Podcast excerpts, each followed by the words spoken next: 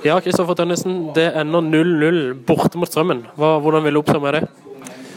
Eh, nei, det er en kamp som eh, blir prega av vinden, og det blir mye, mye dueller og lite, lite spill langs bakken, dessverre. Men eh, de har kanskje litt flere sjanser enn oss i, i første gang, men så føler jeg vi har veldig mange flere sjanser enn de i andre gang. Hvor, de, ja, hvor jeg føler vi gjør oss fortjent til tre poeng, men dessverre så klarer vi ikke å sette ballen i mål.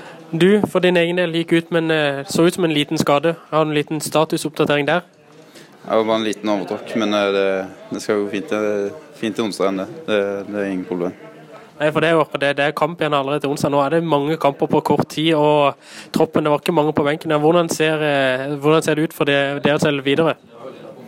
Nei, Heldigvis så har vi ganske bred topp, så, så, vi klarer å samle sammen et veldig bra lag uansett om vi har et par skader eller ikke. Så det, det bekymrer meg ikke så veldig. Og Nå har det just meldt overgang fra Jerv. Hvordan ser du for deg å være med i opprykksstriden med IK Start? Ja, det ser jeg veldig fram til. Det, det, er jo det som er gøy. Å kjempe om noe som, noe som, virkelig, noe som virkelig betyr noe. Så det er absolutt det er veldig spennende. Og du er klar for å spille Eliteren 2020? Absolutt. Veldig glad.